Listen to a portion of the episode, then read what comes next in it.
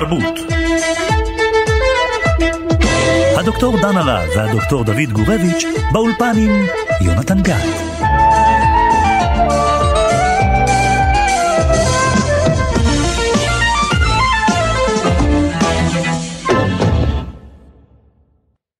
The wilder message is don't bore.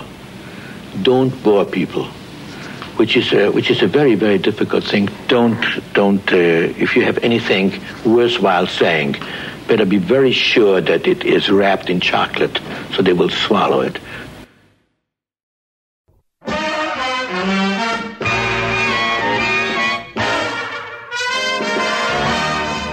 כן, שמענו את קולו של גיבור התרבות שלנו לתוכנית הפעם, הבמאי בילי ויילדר. ואנחנו כאן באולפן, כרגיל, דוקטור דוד גורביץ', אהלן. דוקטור דן הרב, שלום, שלום.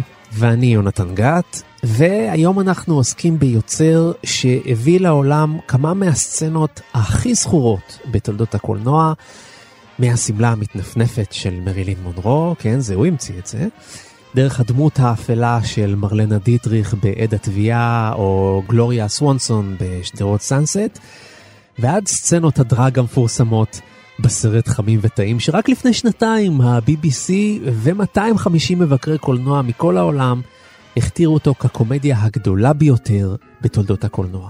ולמרות שהוא נחשב היום לקונצנזוס, כבימאי מיינסטרים של הוליווד, ויילדר היה במאי מתוחכם וערמומי מאוד, שהצליח לשתול כמעט בכל הסרטים שלו ביקורת חריפה כלפי מנגנון הקולנוע ותעשיית הסרטים, מה שהופך אותו לבימה יוצא דופן ואת היצירות שלו לרלוונטיות כמעט תמיד.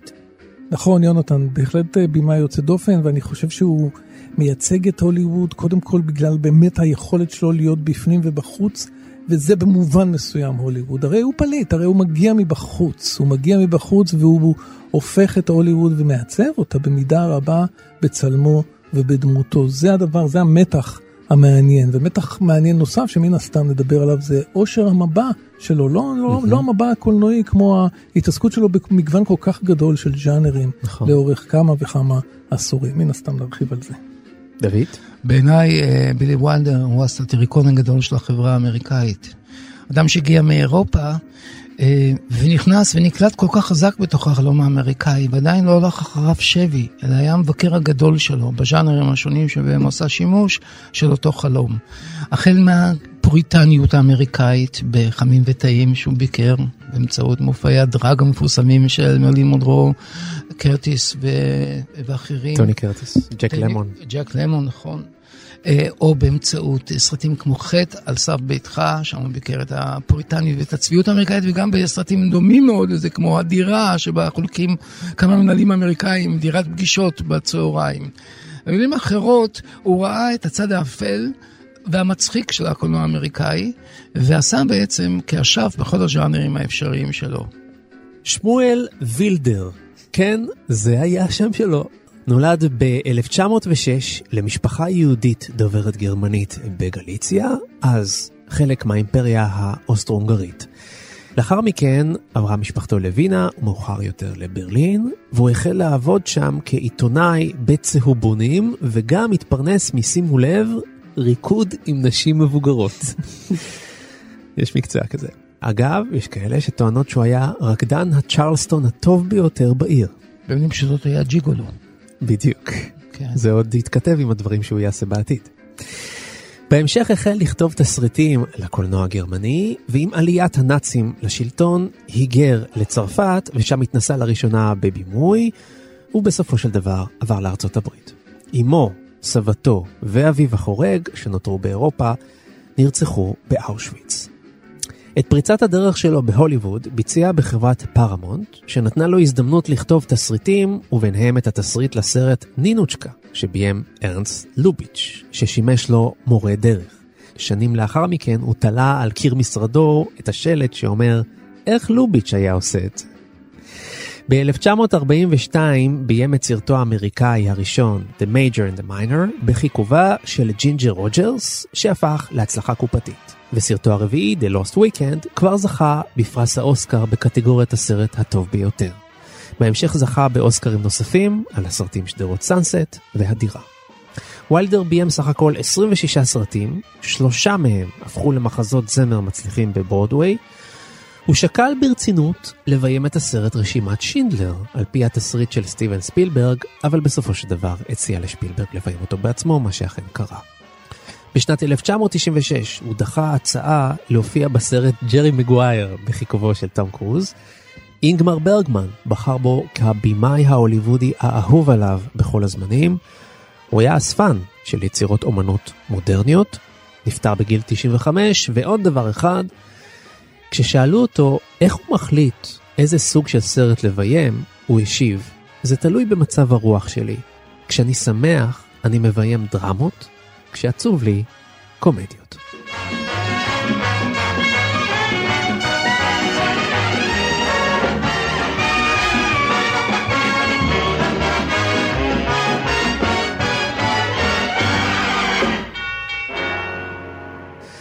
טוב, אני חושב שבילי ויילדר הוא אחד הבימאים הגדולים שהצליחו מצד אחד ליצור את הפנטזיה ההוליוודית המושלמת, כמו עם מרילין מונרו והשמלה שמתעופפת לה מעל פתח האוורור, כן?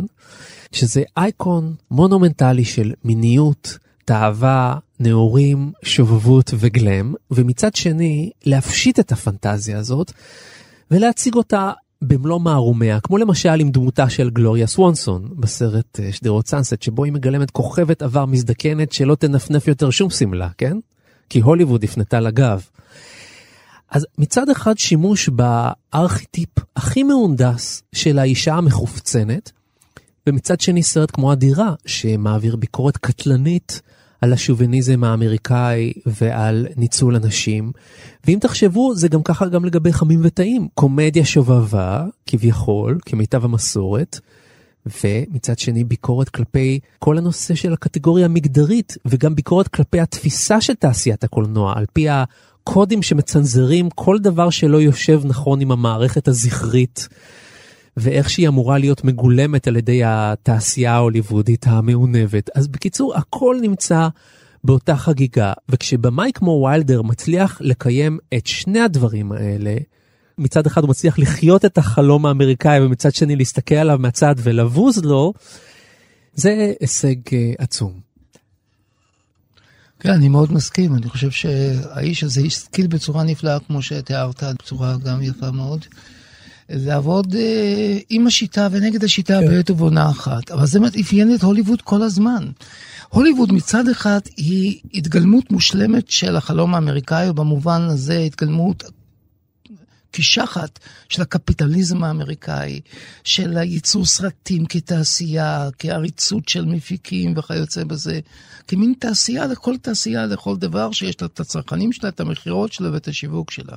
מצד שני, אם תחשוב על הוליווד, את מה היא פרנסה? איזה חוגים התעוררו בתוכו? החוגים הרדיקליים ביותר, המורדים ביותר בקפיטליזם. לא פלא שסנטור מקארתי חיפש את הבוגדים הראשונים, את הקומוניסטים, בין אנשי הוליווד המפורסמים, בין המבואים הכי חשובים של, אה, של הוליווד.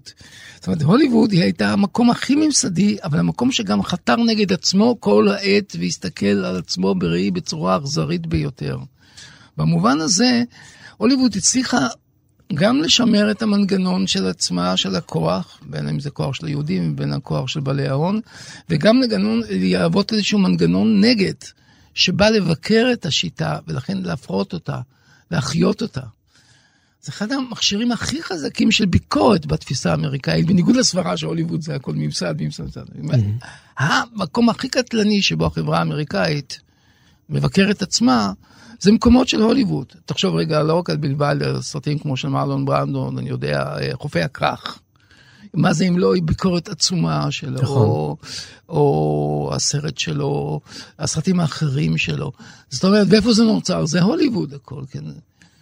אה, תחשוב על הסרטים של האחים כהן, שהם עוסקים כולם בהוליווד, וכשהיא מסתכלת על עצמה בראי ומתבוננת בעצמה, עושה סאטירה על עצמה. לשם בדיוק נכנס אה, המהגר היהודי, והפך להיות בעצם לאחד המבקרים החזקים, השנונים והמרתקים ביותר של החברה האמריקאית. יונתן, אתה אמרת את הדבר החשוב ביותר. הסיפור הוא סיפור של הפליט. הסיפור הוא הסיפור של הבן אדם שמגיע כמעט בחוסר כל, מבחוץ, מתרבות אחרת לגמרי, ונקלע אל תוך חברה שהקודים שלה לא מוכרים לו. הוא צריך בעצם להיטמע בתוכה, אבל הוא נושא עמו עדיין בתרמילו את מערכת הערכים ואת התפיסה התרבותית שממנה הוא צמח. וינה, גרמניה, mm-hmm. תפיסה אירופאית, אה, קצב אחר, קולנוע אחר, אה, אקספרסיוניזם, אה, תפיסה מאוד מאוד אה, אחרת מקצב החיים וקצב הקולנוע האמריקאי. אתה יודע, יש אה, ספר שמתאר את האופן שבו היהודים המציאו את הוליווד. אני חושב שווילדר הוא בעצם בדיוק הבן אדם הזה, הספר נקרא נכון. אימפריה משל עצמם. ומה התזה המרכזית בספר הזה? התזה המרכזית היא שהיהודים היו צריכים להמציא את הוליווד, כי אמריקה לא קיבלה אותם. הם, הם, הם, הם הלכו להוליווד מחוסר ברירה, והם המציאו בעצם איזושהי אמריקה מפונטזת, איזושהי אמריקה של החלום, אמריקה אלטרנטיבית לזו שלא קיבלה אותם בעצם. וויילדר הוא חלק מן האמריקה הזאת, אמריקה של הגלאם, כמו שקראת לזה, של החלום, של הפנטזיה, של ה- bigger than life, כמו שהאמריקאים אוהבים לקרוא לזה. אבל ויילדר באמת הכניס איזשהו מקל בגלגלים של השיטה הזאת, הוא לא שכח מאיפה הוא בא. Mm-hmm. הוא יהודי, אתה יודע, הוא עדיין עם המזוודה ועם התרמיל, ואולי צריך לברוח עוד רגע, והוא נשאר באיזשהו אופן נאמן, נדמה לי, לעקרונות הביקורתיים שלו, ולהומור היידישאי שלו, ולציניות, ולביקורתיות, וכל הדברים האלה באים לידי ביטוי בסרט, ואני חושב שאף אחד שצמח בתוך הוליווד לא יכל לאמץ מבט כזה של האיש הזה שמגיע מבחוץ, פליט.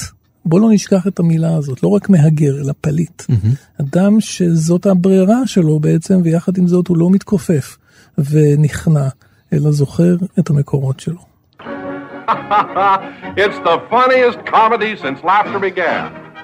Of a wife who spent the summer away.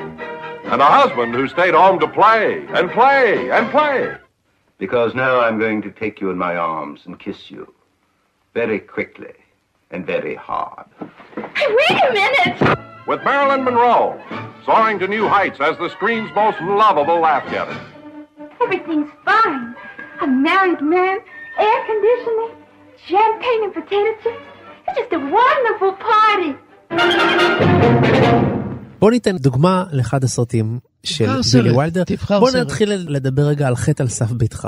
כן? בחיכובה של מרילין מונרו. באנגלית קוראים לסרט The Seven Year Itch, ובתרגום מדויק, הקצוץ השנה השביעית. ומדוע? מכיוון שאחרי שבע שנים, ככה האגדה מספרת, יש כאלה שטוענים שהיא נמשכת עד היום, הבעלים מתחילים להרגיש עקצוץ ומתחילים להסתכל הצידה. כן, זאת השנה שבה הבעלים פוזלים למקומות אחרים. הגישה השמרנית. כן. במקרה של ברילין מונרו, זה קורה הרבה יותר מוקדם. כן, במקרה של ברילין מונרו עוברת לידך, זה כנראה קורה באמת אה, מוקדם הרבה יותר. וכך אה, גם בסרט, מרילין מונרו אה, נתקלת בגבר אה, נשוי. גבר בגיל העמידה.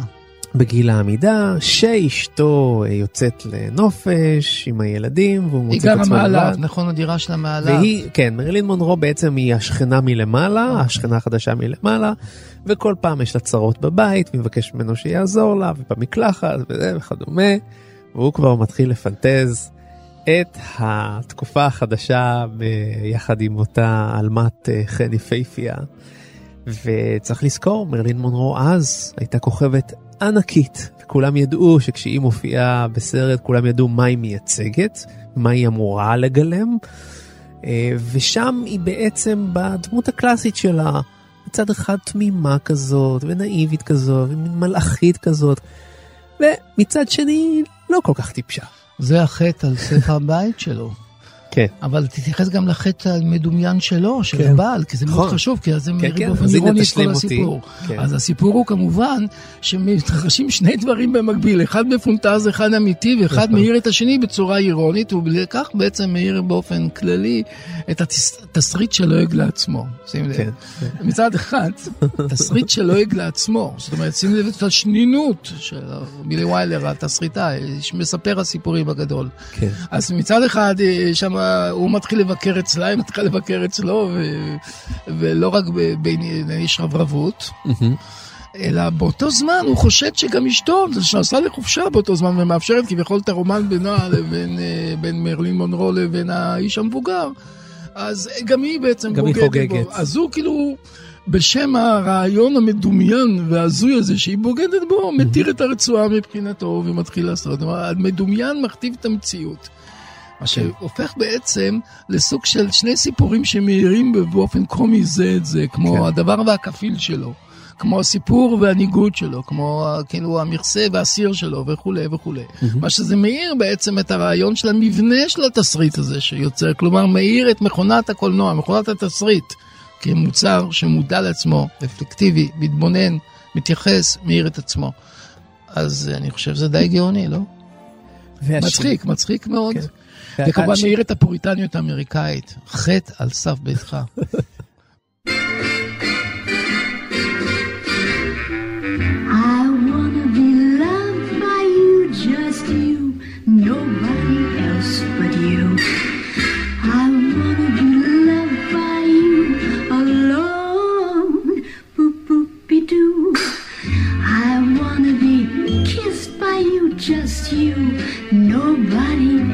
with you. I wanna be kissed by you alone. I couldn't aspire to anything higher than to feel the desire to make you my own. Ba-dum, ba-dum, ba-dum.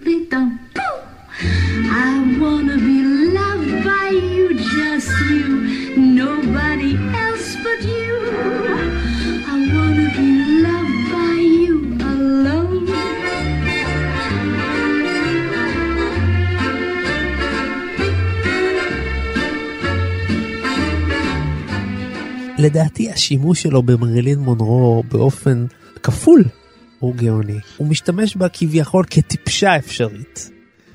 כמו אה, בימבו בלונדינית כזאת, שבעצם לא מודעת לניצול שבו הגבר המבוגר משתמש בה, כמו שמרילין מונרו עצמה לא מודעת כביכול לניצול הקולנועי בה בסרט הזה, כי הרי היא מחופצנת, mm-hmm. ולראיה השמלה המתנפנפת.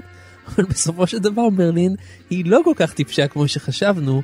בסופו של דבר הטיפש הגדול, היא משחקת, הטיפש או זה שבסופו של דבר יוצא עם המכנסיים למטה, זה הגבר המבוגר שנמצא מולה. ובצורה יותר רחבה, הצופה כמובן. נכון. הטיפש הגדול הוא הצופה, שקונה כן. את הסיפור הזה, מי כאן בסדר, מי כאן לא בסדר, מי כאן שובב, מי כאן פוריטני. כן. זה בעצם מאיר מחדש את הערכים הפוריטניים של, הצופה האמריקאי. ובכלל, מוסד הנישואין האמריקאי, שקדוש להם כל כך, והמושג family, family, כן. ערכי המשפחה. כן. הרפובליקאים האלה מוארים מחדש באופן שנון, מצחיק. וכואב, צוחקים מרוב, כואב את הבטן מרוב צחוק כשרואים בעצם את, ה, את החטא הזה, איך הוא משתלב היטב בתוך הצביעות המוסרנית האמריקאית בתמונה של ויילדר.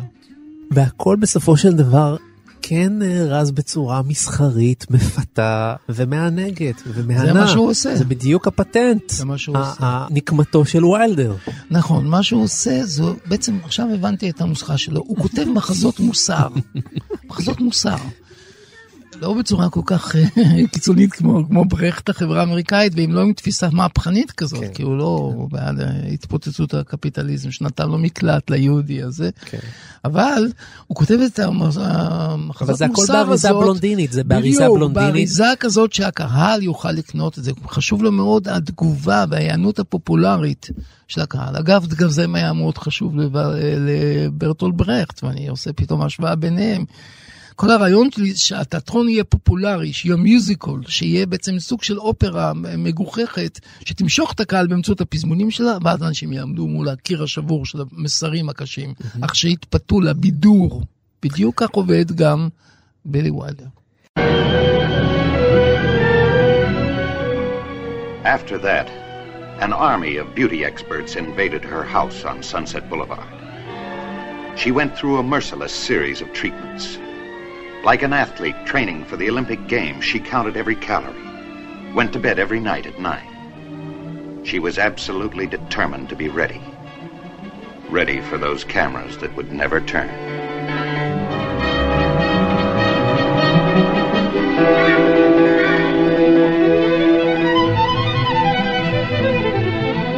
אז אם התחלנו אה, עם אה, חטא על סף ביתך, בוא נעבור לצד האפל. בוא נדבר על הפילם נואר של אה, בילי ויילדר. כדאי לדבר עליו, אני חושב, זה הסרט השדרות סאנסט. גם בשדרות סאנסט יש חלק שהוא פילם נוער כזה. זה החיים של כוכבת העבר, המנהגים של הפטישיסטים, אה, ארי פרונסטרוים שהוא כאילו כמו אה, מנהל אחוזה, משרת אישי ואולי מאהב לשעבר ובעל שהתחתנה איתו ועכשיו הוא הופך להיות משרת בבית שלה. שדרות סאנסט זה על כוכבת עבר. שמזדקנת ובעצם הוליווד לא מעוניינת בה כבר יותר. כן. ו... כמו בכל פילם נוער יש איזה פלשבק כזה שהוא הטראומה. הראשונית. רואים גבייה מונחת בבריכת שחייה, זה שעות הפתיחה. ואז אומר, פול סאצ'זאי כמובן, הייתי מספיק שותה, זה פתיחות אופייניות של פינואר, הייתי שותה ומטורף כשפעם ראשונה היא קראה אותי לביתי. בסופו של דבר, הוא מת, היא מתה, אה, כל, ה, כל, ה, כל, ה, כל העולם הזה שוקע והוא נאמר, אה, בסופו של דבר נפרס מהסוף אל ההתחלה. האיש שגופתו צפה בבריכה הוא תסריטאי. והסרט הזה... לא, התסריטאי הוא הבלש. כן. כן, נכון.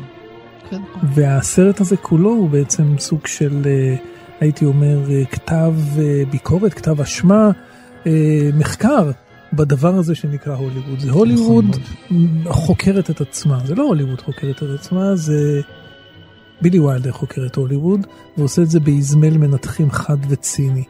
ובעצם הייתי אומר שהוא בעיקר מתעסק במעמד של הכוכב. מה זה המיתוס הזה של הכוכבות האמריקאית? הדבר הזה שבעצם הוליווד בראה בצלמה ובדמותה. הדבר הזה שהוא גדול מהחיים, כן? הדבר הזה שאנחנו נושאים אליו עיניים, הכוכב. הדבר הבלתי מושג הזה שעומד בלב הרעיון המסחרי הזה של הוליווד. והנה בא ויילדר ומקלף את, ה, את הקליפה הזאת. ו... ומראה כמה העולם הזה הוא בעצם עולם שעסוק בעצמו, כמה הוא עולם שבעצם מנותק לחלוטין מהמציאות. כמה האנשים האלה הם בעצם קורבנות של השיטה, mm-hmm. כמה המוות והיצרים והקנאה והניתוק הייתי אומר, מושלים בעולם הזה. זה מאוד מאוד אכזרי, וזה עוזר לנו להסתכל, אני חושב, על הוליווד היום, כן. במידה רבה במשקפיים של הסרט הזה ולהבין שמה שאנחנו רואים הוא בעצם איזושהי, איזושה, איזושהי פיקציה מוחלטת. לא רק שהסרטים הם פיקציה, אלא שכל מה שהוליווד משכנעת אותנו שקיים בה הוא בעצם מעשה אחד גדול של הונאה.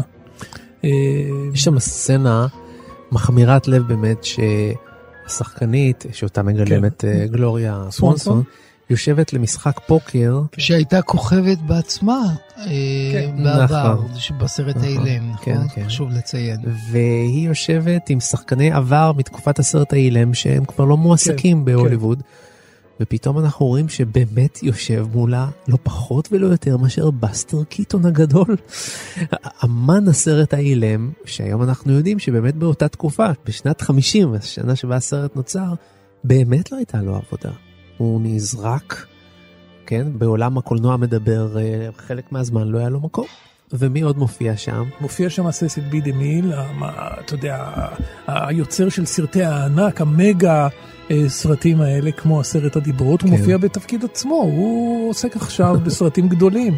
אה, נורמה דזמונד, גלוריה סונסון, כלומר, חושבת שהוא מגייס אותה לסרט, אבל לא, לא, לא בכלל לא, הוא רוצה רק את המכונית הישנה שלה, כן. כי הוא זקוק לה לזה. כן. וזה עצוב, המפגש הזה הוא עצוב, זה מפגש בין תרבות שגבעה, תרבות הסרט האילם, הסרטים הגדולים האלה עם הדיבות, עם התנועות הגדולות וכן הלאה, בין, בין הוליווד של אותה עת שהיא מחפשת משהו אחר לגמרי. ואת גלוריה סונסון, נורמה דזמונד, משרת בעצם אחד מגדולי הבמאים והשחקנים ההוליוודיים, אריך פון סטרוהם. הוא בתפקיד ה... לא, הוא, אם אתה זוכר, הוא בעלה לשעבר, נכון, הוא היה ואף- נשוי לה. נכון.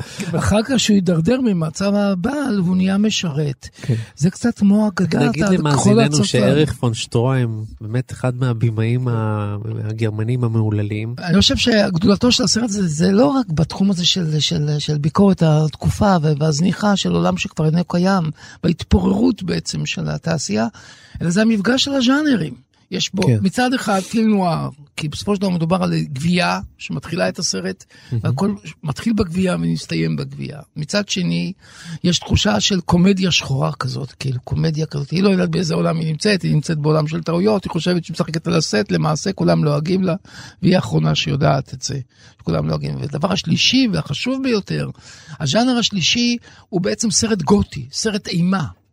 כי יש אלמנטים של אימה באותה כוכבת שהיא ספק חיה, ספק מתה, שהבעלים שלה זה כמו כחול הזקן ש- ש- ש- שהיה פעם אה, בעל ועכשיו הפך למשרת והפך למישהו אחר.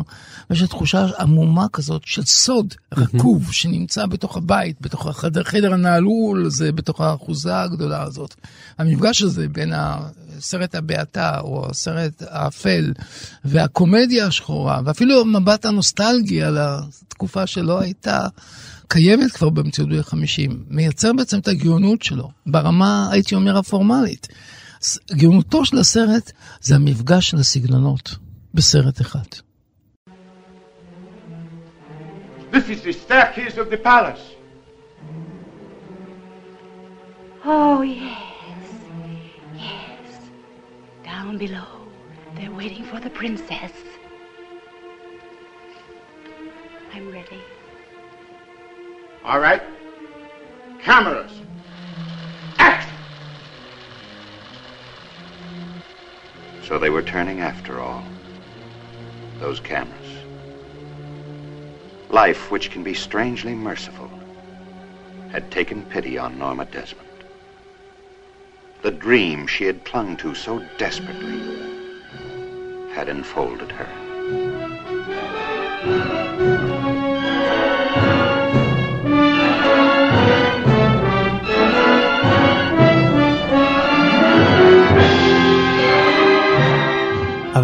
לזה שבילי ויילדר מציג את שני הצדדים, זאת אומרת את הפנטזיה ואת חשיפתה, הוא עושה גם דבר שלישי. הוא יוצר קולנוע מענג. זה לא קולנוע מאיים, זה עדיין קולנוע קלאסי, ארוז היטב, עם סיפור מפתה, שגם כשהוא חושף את השקר המכוער ואת הדבר המגונה, זה עדיין במעטפת מסחרית, נוחה, הוא מערסל את הצופה, מספק לו בידור טוב, הוא לא שובר את הכלים, במובן הזה שהוא לא צריך לצאת לאיזו הרפתקה אה, אוונגרדית עם קולנוע חתרני ומרדני שבודק את גבולות הז'אנר וכדומה. הוא נשאר בהוליווד, משחק את המשחק של הוליווד, אבל דוקר בקצוות. אני מסכים ולא מסכים בחלק מהדברים. מסכים, מפני שהוא עובד בשיטת הז'אנרים. כן. שזה השיטה האמריקאית הקלאסית. הוא עושה פילם נואר, אז הוא עושה פילם נואר, Double Indemnity, הביטוח כפול, הסרט המדהים. זה סרט מצוין. כן, כן. ביטוח חיים כפול, נכון. מעשה שטני של בעל ש, שמנסה לרצוח את, כל, את אשתו, ועוד לקחת את הביטוח שהיא מרעישה לו מראש. זה שהוא כתב יחד עם ריימונד אה, צ'יינדלר, הסופר, סופר המתח הנודע. אה, כן, כן. אז זה מצד אחד, אה, עובד בתוך הז'אנר, הוא עושה ז'אנר כמו קומדיה רומנטית, שזה נניח אה, סף, אה, חטא על סף ביתך, או אפילו חמים וטעים. אחר כך הוא עושה אה, דברים אחרים, שזה קומדיה נגיד שחורה, כמו שאתה הגדרת את זה, שזה כמובן שדרות סאנסט, שזה גם על, הג- על הגבול בין קומדיה שחורה לפילם נואר, לשלט, אה, לסרט אכזרי, אנטי נוסטלגי, חריף ביותר של התעשייה האמריקאית. ובתוך זה, אה, שזה ז'אנרים, כלומר, משהו קבוע, משהו מוסכם, משהו ידוע, משהו מסחרי, זאת השיטה נכון. של הז'אנרים, כי ככה היא עובדת. הוא ידע אה, אה, להיות רדיקלי. לדוגמה, זה לא היה מובן מאליו אתה לעשות מתכוון סרט במסרים כמו... שלו. כן, במסרים, לעשות סרט כמו הדירה. בוודאי. הוא בעצם להיות מין סרט שזועק איזושהי זעקה פמיניסטית ראשונית נכון, ככה, נכון. על הניצול הציני של מנהלים, איזושהי בחורה שם שהופכת להיות בעצם למזרון של החבר'ה, כן. בדירה משותפת שהם שוכרים בשעות הצהריים, כשכולם הולכים לאכול לאנץ', מהמם. וכל הדברים הללו. זה לא מונע ממנו אה, שוב, בעניין המגדרי זה מאוד מעניין להציג דמויות של נשים שמתחפשים לגברים, גברים שמתחפשים לנשים, אמרת, נשים שהופכות, מתחפשות לילדות קטנות וכולי וכולי. כן, כן. סרטים כמו סטלג 17, לא הזכרת את זה. נכון. שם בכלל, לקחת את הסטלג כמין נשף מסכות, כן. אה, slash איזה נשף, נשף כזה של drag queen כזה אחר. זה שנות ה-50. רק נגיד על אה, סטלג 17, הסרט שעוסק במחנה שבויים, כן, כן של השייח חיל האוויר של בעלות הברית, כן. טוב, כן. בקיצור, מה שרציתי להגיד, שעוסק באמריקה של שנות החמישים, שהיא אמריקה מאוד מאוד שמרנית בנושאים הרגישים ביותר שעוד לא בשלו בכלל בשנות החמישים, לא המהפכה הפמיניסטית, לא המהפכה של הגייס, שהתחילה, לא זכויות האזרח, mm-hmm. לא כל הדברים הללו, כל זה קרה רק בתחילת שנות השישים, אפילו בסוף שנות השישים זה הגיע לשיא, כל התנועות השחרור האלה. והוא עושה את זה כ-15 שנה, כ-10 שנים, כ-12 שנה לפני זה, את הדברים הללו. במובן הזה, הוא לוקח את השיטה ומצליח להיות נועז מאוד גם אה, בתוכה. כלומר, רדיקלי. כן, רדיקלי, רדיקלי אבל מה שהתכוונתי לומר זה שזה עדיין טעים למאכל. נכון, זה מצליח קופתית, זה זוכה באוסקרים. ארוז, נכון? כי זה ארוז כן. בצורה מתוקה, וזה ארוז בצורה ז'אנרית, אבל התוכן הוא פרובוקטיבי. חד משמעית. זהו. אני חושב שצריך לציין את העובדה ש... ויילדר הוא קודם כל תסריטאי, הוא קודם כל איש של מילים. Mm-hmm. הוא קצת uh, מדברים על קולנוע, וכמובן שהוא במאי גדול, אבל הבימוי הגדול שלו לא בא לידי ביטוי בעיצוב מסך יוצא דופן, או בעיצוב uh, חזותי. נכון. אני חושב שהוא בא לידי ביטוי בעיקר בהדרכת שחקנים, ויותר מזה אני חושב בטיימינג פשוט uh, מעולה. Mm-hmm. אני חושב שהדבר שמאוד מאוד הדריך אותו זה לייצר מתח מילולי. בסצנה וכמות כזאת או אחרת של פאנצ'ים בכל זמן נתון, ממש תזמן את הסצנה בצורה מדעית. אה, והמילים, כן. המילים והניגון שלהם והאופן שהם מונחים ב, ב, ב, ב, בפה של השחקן, mm-hmm. זה הדבר ש, שהדריך אותו. הייתה לו אוזן, כמובן, ברור, אה, מדהימה לדבר הזה ויכולת כתיבה עילאית. Next thing I know, she's not coming home. She falls for that quack. She walks out on me, walks out on a job. I get a nervous breakdown and ulcers. The whole thing is in my suicide note. You want to read it? No. Hey, look. You want to hang yourself, it's okay with me. Go out in the country, find yourself a tree. But don't make waves around here. I'm trying to work next door. I could drown myself, but he turned off the water. Listen, you give me any more trouble, and I'm going to strangle you with my bare hands. That's another solution.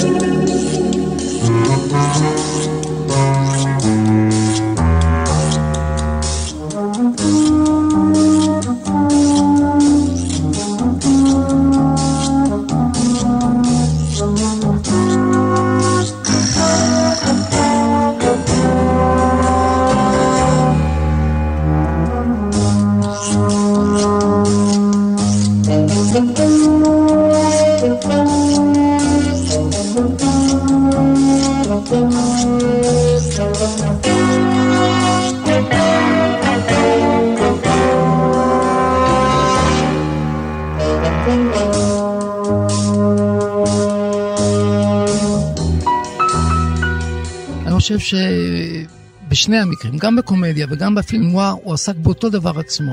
הקומדיה מבקרת לחלוטין, הקומדיה היא לא הרסנית פחות מהסרט האפל או מהדרמה הרצינית. Mm-hmm. כי מה שעושה הקומדיה דרך הצחוק, הוא לא פחות מסוכן ממה שעושה הדרמה דרך הקונפליקטים הנפשיים והמלודרמטיים של הדמויות.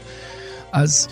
הוא עסק בז'אנרים אה, שבעצם מביאים את המציאות האמריקאית לידי התפרקות. מה עושה הקומדיה? חושף אה, חמים וטעים נגיד, שמוכרת לכולנו, כל אלה שמאזינים, אז היא בעצם מפרקת את הפוריטניות האמריקאית, או גם uh, חטא על סף ביתך. וכיוצא, מפרקת אותה ומראה את הצביעות האמריקאית שעומדת מאחורי זה, כי אמריקה זה המקום שהוא מצד אחד הכי פוריטני בעולם, ומצד שני זאת ארץ הפריצות הקיצונית ביותר בעולם, עם החלומות המטורפים ביותר שגם אופיינים לחברה שהיא כל הזמן מוסרנית, דתית ופוריטנית. כן. מצד שני הוא לקח פיל נוער, מה זה פיל נוער? עם אותה תחושה שיש משהו אפל, משהו שגורם אותך אל סופך, שגורר אותך אל הקבר, שגורר אותך אל הנפילה. Mm-hmm. בשני המקרים מדובר בקתרזיס, אחד על ידי הצחוק והשני על ידי האימה. שני המצבים האלה הם מצבי קיצון של ביקורת. כך שגם הפיל נוער, דאבל אמדנמנטי, פיתוח חיים כפול, וגם אה, חמים וטעים, הם שני אה, מסלולים של ביקורת קשה, רצינית, על מה שנקרא החלום האמריקאי, מוגנות אמריקאית, סדר אמריקאי.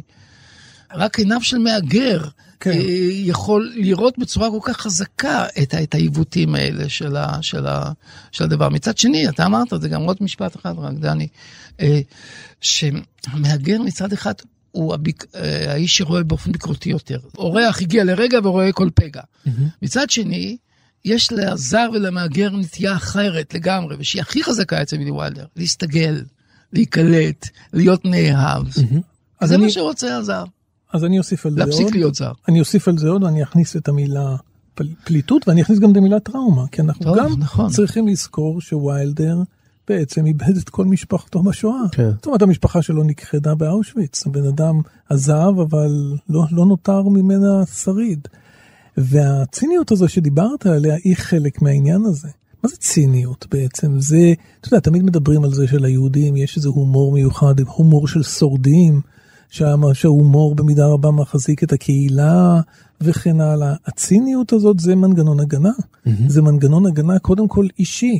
היכולת שלך בכל סיטואציה לשים את עצמך גם בחוץ, לשים את עצמך באיזושהי עמדה שהיא לא מתמסרת, באיזושהי עמדה שהיא תמיד קצת מתנשאת, קצת ביקורתית, לא מחויבת עד הסוף. מגינה על עצמך, זה הסיפור. אתה, אתה, אתה בעצם נמצא במצב של הישרדות. Mm-hmm. זה, זה, צריך לזכור גם את הדבר הזה לצד הזירה שבה הוא פועל, שהיא באמת הזירה הקפיטליסטית, המסחרית, ההוליוודית, שיש לו הרבה מה להגיד עליה. זה בא קודם כל ממקום אישי מאוד. נכון, אני מסכים מאוד. ציניות היא תמיד הנשק של החלש. Mm-hmm. מאחורי ציניקן תמיד מסתתר, אמר את זה אוסקר ויילד, הסנטימנטלי. כן. הקיצוני, הסנטימנטליסט הקיצוני. ומרוב חרדה מהסנטימנטליות שלו ומההתפרקות שלו, הוא נהיה ציני, כי הוא מתקשח, אבל זה רק ניצחון אה, פירוס, זה לא ניצחון אמיתי. זה בעצם ניצחון מדומה על ידי השפה, על ידי להטוטים, על ידי שנינות, כאילו לנצח את העולם על ידי הפנטזיה. כן. זה הנשק היחיד שנותר לחלש, לדמיין את הניצחון שלו הציני על העולם, כי במציאות הוא לא מצליח. ואיתנו חוקר הקולנוע ואיש צוות אה, גיבור תרבות אה, הקבוע שלנו פה לעניינים האלה, נחמן אינגבר. אהלן. אהלן. נחמן, דיברנו פה הרבה על הסגנון העבודה הקולנועי של בילי ויילדר, ואותך אני רוצה לשאול, איזה מין בן אדם הוא היה? תראה, אה, הוא היה בן אדם מאוד חריף, מאוד שנון, מאוד תרבותי במובן היהודי מרכז אירופי של המילה, והוא היה מבקר חריף מאוד של המדינה שנתנה לו מקלט מפני הנאצים. כן. של הערכים, אם תרצה, של המעמד הבינוני האמריקאי. כן. וככזה הוא ידע לתת ביטוי למוגבלויות של התרבות האמריקאית ולצביעות שמאפיינת אותה. בכל, בכל תחום אפשרי, כן. כן. איך היית מגדיר אותו כבימאי? מבחינת התפקוד שלו על, ה, על הסט, היית מגדיר אותו בצד של הדיקטטורים, בצד של אה, הבימאים שהם אה, כמו בבתי מרקחת, כמו אפרים קישון, או משהו באמצע? אה, חלילה העניין של בית מרקחת לגבי כן. דיקטטורים, תראה, אתה לא יכול להיות אומן באומנות קולקטיבית כזאת, שבה יש כל כך הרבה משתתפים אה, שלוקחים חלק בהחלטות, בלי לעמוד על דעתך, כלומר, בלי לדעת מה אתה רוצה ובלי למצוא את האמצעים כיצד להעביר זאת. אז במובן הזה הוא בהחלט היה דיקטטור. כן. אבל הוא היה גם יהודי בעל חוש הומור בלתי רגיל, ולכן הוא ידע להשרות בסטים שלו לעיתים קרובות עבודה, אה, נגיד אווירה של, של נוחות וקלילות. יחד עם זה, אתה הרי יודע, אתם הרי יודעים שהוא עבד הרבה עם מרילין מונרו, ומרילין מונרו מעולם לא הייתה אישה קלה, ולא היית יכול להצליח אה, עם אישה כמו מרילין מונרו בלי לנעול מגפיים אוסטריות ולרקוע על הרצפה כדי להשיג בדיוק מה שאתה רוצה. זהו, אומרים ש... אומרים שהרי היא, היא הייתה כל הזמן מצד אחד על כדורי שינה, מצד שני כדורי מרץ נכון, וכדורים פסיכיאטריים. נכון, ואומרים ש, נכון. שהיא פשוט לא הייתה מגיעה לצילומים, או לא הייתה יוצאת נכון. מחדר האיפור, עד שבילי וילדר מצא את הטריק איך להוציא אותה, הוא פשוט היה צועק עליה כמו על ילדה קטנה והיא הייתה רצה לשאת. אבל אני שוב חוזר, זה, אה, השיטות שלו הותאמו לדמויות שאיתם כן. הוא עבד. אין ספק שעם אה, שחקנים ממושמעים כאלה ש... אה, מה שנקרא מקצועיים, היא הייתה כמובן, היום אנחנו יודעים, זו שחקנית מקצועית בכל רמת איבריה, אבל היא הייתה, אתה יודע, היא עשתה צרות, היא נחשבה ל- ל- לסוג של שחקנית שקשה לעבוד איתה. והוא פינח את המפתח לאישיות שלה, ולטעמי הוציא ממנה את המקסימום שרק אפשר. כן. נחמן, אני רוצה לשאול אותך קצת על המקורות ההשפעה של uh, ויילדר, ובהקשר הזה תמיד מזכירים את לוביץ', שהקדים אותו בהגירה ממזרח uh, אירופה, ממרכז אירופה בעצם, ו, וגם, uh, וגם, וגם הוא התאפיין באיזושהי קולנוע כזה שיש בו רמיזות מיניות, ויש בו הומור יהודי, ויש בו סרקזם וציניות וכן הלאה, ותמיד מזכירים את המושג המגע של לוביץ'. ואני רוצה לשאול אותך, אם אתה חושב שלוויילדר היה מגע משלו. אני בטוח שכן, אה, אבל זה מגע שבהחלט מושפע מלוביץ'. לוביץ' היה בהחלט המורה הרוחני שלו, אבל שונה משל לוביץ'. המגע של לוביץ' היה קודם כל עדינות, אנינות, אה, סוג של אה, טיפול מאוד מאוד, אם אתה רוצה, הומני בסיטואציות ובדמויות. ואילו בילי ויילדר הייתה לו נטייה קצת להתאכזר. להתאכזר, ו, אה, ואפילו אה, הוא אהב סוג של אמירה ישירה, בוטה, אפילו גסה. מילת מפתח שמייחסים לבילי ויילדר זה וולגרי. אני אוהב את הוולגריות הזאת, אני אוהב אותה. זאת אומרת, כשאתה רואה את מערכת היחסים בין אה, מרילין מונרו וטוני קרטיס ב-I'm like it hot, חמים וטעים. חמים וטעים, אה, בלי הוולגריות הזאת הסר- הסרטים שלו לא עובדים. או ואתה רואה ב-1, את זה 2, בכל- 3, או ב-1, 2, 3 נכון, למשל. נכון, ולכן הוא בוודאי יש לו כתב יד משלו. אני רוצה לקחת אותך, נחמן עכשיו ככה, מווינה וברלין קצת, לאן? לגליציה, נכון? משם הוא נולד. נטען כל הזמן על ההומור היהודי. על. היהודים בסרטה, ואני מתקשה לראות איפה הוא- יש בו מין הומור יהודי שמובנה בתוך היצירות שלו. אולי אתה יכול להאיר את עיניי. תראה, אה, ה- אה, שזה לא תהיה סתם מילה כללית כזאת, אתה יודע, ברור. הומור יהודי, משוגע, זה, שמוק. זה לא... זה לא, מעבר לזה. משהו, כן? אנחנו לא מדברים על תרבות היידיש, כן? אנחנו. מדברים על מה שמאפיין את ההומור היהודי. בדיוק. שהוא מה שלי נראה אירוניה. הרעיון של הקטנה עצמית, כן? הרעיון שאני לא שווה הרבה, שאני חלש, שאני מסכן. כל הגיבורים שלו, ג'ק למון תמיד מופיע כאדם שהוא פחות מתוחכם ופחות, נכון. נגיד מול הבן דוד שלו בפורצ'ן קוקי. בפורצ'ן קוקי, כן. בארץ קראו לזה הפרקליט, הגיס והכיס. נכון. אגב, שם נהדר לדעתי. נכון. אה, אני בדרך כלל שונא שינוי שמות, אבל כאן זה נהדר. כן. והדמויות שלו תמיד אה, אה, יוצאות אה, מתוך סיטואציות מאוד מאוד אה, קשות, תוך ניצול הרעיון שהם כאלה חלשים ולא צריך לשים עליהם, והם לא מהווים סכנה וכדומה וכדומה. אתה רואה את זה בסרטים כמו חמים וטעים, הדמות של... אה, אה, באמת של ג'ק למון, ובכל הסרטים המאוחרים שלו, שם ההומור היהודי הולך ונעשה בולט יותר ויותר. וצריך לזכור שזה בזמן של פריחה של הומור יהודי, משנות ה-60 ואילך, עם וודי אלן וניל סיימון, כן. שההומור היהודי הופך להיות בעצם להומור אמריקאי. האמריקאים מאמצים אותו. יותר מאוחר יבוא סיינפלד וכולי וכולי. כן. אתה צודק, באמת ניל סיימון מאוד קרוב לבילי ויילדר בוודאי, מהבחינה הזאת. בוודאי. הוא פחות פחות מרושע ממנו ויותר נכון. סנטימנטלי ממנו.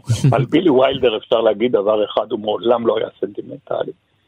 אתה חושב אבל שחוסר הסנטימנטליות שלו זה בעצם מה ששמר על הסרטים שלו לאורך הרבה שנים? אני מאמין שכן, אני מאמין שכן. החוצפה, המילה חוצפה, כן, החוצפה שמאפיינת אותו, הרעיון שהוא באמת יודע לשים את היד על, ה, על המאפיין הבעייתי של התרבות האמריקאית. יש לו סרטים שהם כמעט קשים לצפייה מהבחינה הזאת. תראה, יש, כולנו מכירים אה, אה, סרטים שאנחנו נורא אוהבים שלו. אני אוהב סרט שבזמנו היה... אני יודע בדיוק איזה סרט אתה אוהב. אני מניח שאתה יודע. אני אנחש. אייס אין הור. בדיוק ככה. ושם יש רגעים שהם על גבול הבלתי נסבל. עם קירק זאת אומרת, דאגלס, כן. כל האתוס האמריקאי נעמד שם אה, אה, למבחן ויוצא רע מאוד. בוא רק נגיד למאזיננו, הסרט עוסק בעיתונאי, שכאמור מגיע לאירוע שבו אדם נמצא באיזה מערה או בור וקשה מאוד לחלץ אותו, מהמם. והוא עושה את המקסימום כדי שלא יחלצו אותו, כדי שהוא יוכל ליהנות מגלורי, מכבוד עיתונאי על ה-. המציאה- הגילוי שהוא גילה.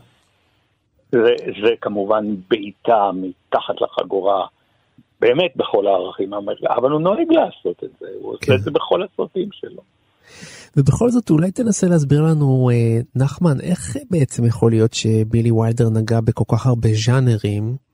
אנחנו לא רואים איזה נפילה מיוחדת בין הסרטים שלו, זאת אומרת, אם נחשוב על זה, יש את עד התביעה, שזו דרמה משפטית, חמים וטעים, שזה קומדיה שהיום אפשר לראות בה כקומדיה קינקית במידה מסוימת, קומדיה שחורה, פילם נואר, כן. כמובן. תראה, כל דבר שהוא נגע בו במידה רבה מאוד הפך לזהב. כן. אתה לא, הז'אנר היחידי שאני חושב שהוא לא נגע בו זה מערבון. מערבון, כן. אבל כשאתה חושב על הפילם נואר שלו, על Double Indemnity, כן. שיפוי כפול. אה, כשאתה מסתכל, אתה, הוא עשה את הפילם נואר אולי הכי טוב שיש. נכון. אני מצטער, פריץ לנג וכל האחרים עשו פילם נואר, אבל לא כמו בילי ויילדר. כשהוא. נוגע בז'אנר, הוא עושה את הסרט. יש סרטים על הוליווד. תגיד לי, יש סרט על הוליווד שהוא יותר טוב משטרות סאנסט? חד יש משמעית לא. מישהו שהתקרב לרמה הזאת? היצירתיות שלו, הדמיון שלו, הדרך שהוא מסוגל להתמזג עם הז'אנר וליצור, כמו הגדולים ביותר שהתמחו באותו הז'אנר ולעלות עליהם. כן. זה מופלא, שום ז'אנר באמת לא זר לו. מערבון הוא כנראה לא נגע, מכיוון שהוא לא עד כדי כך הרגיש את עצמו בבית באותה תרבות היסטורית אמריקאית. הוא, בניגוד לפריץ לנג שכן עשה מערבונים, הוא לא נגע בז'אנר הזה, אבל כל האחרים, הוא הופך להיות לטוב ביותר בתחומו. אנחנו בעיקר מדברים על הקומדיות שלו, אבל תחשוב על כל הסרטים שאינם קומדיות. האוסקר הראשון שלו כבמאי הוא על סרט שנקרא הוויקנד האבוד, כן. אינני זוכר איך קראו לו בישראל. The Lost Weekend או סוף שבוע אבוד. Last Weekend, כן, סוף שבוע אבוד. וזו מלודרמה, זה מלודרמה מארץ המלודרמות. והוא עושה שוב מלודרמה הכי טוב שרק אפשר. כן. יכול להיות שהיכולת שלו לשוט ככה בין הז'אנרים קשור גם לציניות וגם לזה שהוא בסופו של דבר לא לוקח את הכל מאוד ברצינות, יכול להיות? כן, כן, אני חושב שכן. אני חושב שיש בו משהו, אם תרצה, זיקיתי. זאת אומרת, באמת להיות יהודי בווינה ולסבול את האנטישמיות האוסטרית שרווחה, להפוך לאדם בסצנת הבידור הברלינאית. הוא הרי בברלין התחיל מכתב רכילות, הוא היה כתב רכילות. כן. אני לא רוצה להגיד בנוסח גיא פינס, אבל סוג כזה של עבודה. כן. כן. הוא עסק בכל, אתה יודע, השערוריות הקטנות. עלוקה כזו או אחרת, כן. כן. הוא היה רקדן בבית מלון, אתה יודע, כן, בערבי בידור כאלה של בית... אה, כן. כן. והוא כן. מכריז בלי בושה שהוא שימש בשעות הפנאי שלו כג'יגולו. כן. זאת אומרת, שום דבר לא היה זר לו, כן. הוא הכיר את ה... הסחי והמיאוס מלמטה, ו- ולכן הוא למד לתפקד בעולם של, הוא עשה שינוי חברתי מהשכבות הנמוכות אל השכבות הגבוהות ביותר, עם אוסף אומנות כל כך מפורסם ועם אה, כן. אנינות טעם וידע רב בתחום הציור והאומנות. כן. זה מצריך סוג מסוים של להיות זיקית. כן. נחמן, ובכל זאת באף סרט שלו אין עיסוק ישיר בשואה. יש כמובן עיסוק עקיף בנושא הזה בכל מיני צורות, כמו פורן אפר, עם ארלנה דיטריך על uh, העבר הנאצי, ככה גם uh, לגבי עד התביעה וכמובן בסטלג 17. אבל הוא נמנע מהעיסוק הזה. אתה חושב תראה, שיש לזה... הוא לא נוגע ישירות בשואה. אה, בוא נאמר שהטראומה האישית שלו היא לא פחות קטנה מאנשים אחרים שעברו את השואה. הוא כן. איבד אימא ואיבד בני משפחה רבים. כן. אה, אבל מכל זה, בקולנוע שלו נותר רק שנאה, שנאה מטורפת לגרמנים. Mm-hmm. באמת הזכרת את שני הסרטים שבהם זה הכי בולט, בשלג 17, טיפ טיפה מבוטן, אבל בעת התביעה, הפורטרט של מרלנה דיטריך, mm-hmm. ומה שהוא עושה עם מרלנה דיטריך בפורן אה, אפר, בקשרי חוץ, כן. אה, מראה איזה סוג של שנאה טוטאלית לתרבות הגרמנית. Mm-hmm. הוא לא מצמצם את המבט שלו על המפלגה הנאצית ועל היטלר, הוא מעיף מבט על התרבות הגרמנית כולה. על כולה, על ילדיהם היא... ונשותיהם. בדיוק, ומראה כמה היא קלוקלת, ואני חושב שאתה חש את השנאה העזה הזאת אה, של ויילדר לארץ מולדתו כן. בצורה הכי חריפה שרק אפשר. הוא כנראה אה, לא חשב שכדאי לעסוק בשואה באופן ישיר. כי שם הוא היה נופל לדעתך, או כי שם... לדעתי כן, אז היה מביא אותו לאותה מלכודת, ילדה עם אה, המעיל האדום, כן. בשפילברג. צר לי לומר לך, זה סנטימנטליות. הוא לא בדיוק, הוא לא היה עושה דבר כזה בחיים. הוא לא היה נופל למלכודת הזאת, כן. סנטימנטליות זה הדבר הכי רחוק כן. ממנו. כן, וכמו שאמרנו, גם בנושא השואה, הוא לא היה יכול שלא לקחת את עצמו ברצינות, כך ש... נכון, אני חושב עוד הפעם שהפחד שלו היה ליפול לאותה מלכודת שאפילו אה, בניני נפל אליה בהחיים יפים. כן. זאת אומרת, להיות סנטימנטלי. נחמן אינגבר, אנחנו בסנטימנטליות נפרדים ממך הפעם. כן, תודה רבה. תודה, נחמן. תודה שהיית איתנו. תודה, ביי ביי. ביי. Osgood, I'm gonna level with you. We can't get married at all. Why not? Well, in the first place, I'm not a natural blonde. Doesn't matter. I smoke. I smoke all the time. I don't care. I have a terrible past. For three years now, I've been living with a saxophone player. I forgive you. I can never have children. We can adopt some. But you don't understand, Osgood. Uh, I'm a man. Well, nobody's perfect.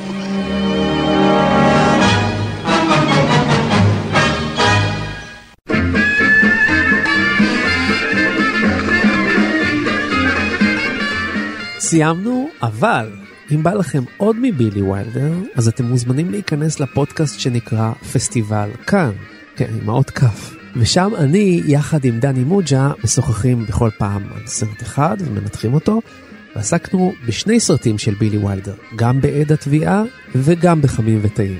אז שני הפרקים האלה נמצאים שם, אתם נכנסים לאפליקציה שלנו שנקראת כאן, ובאזור הפודקאסטים אתם נכנסים לפסטיבל כאן, והפרקים יהיו לרשותכם.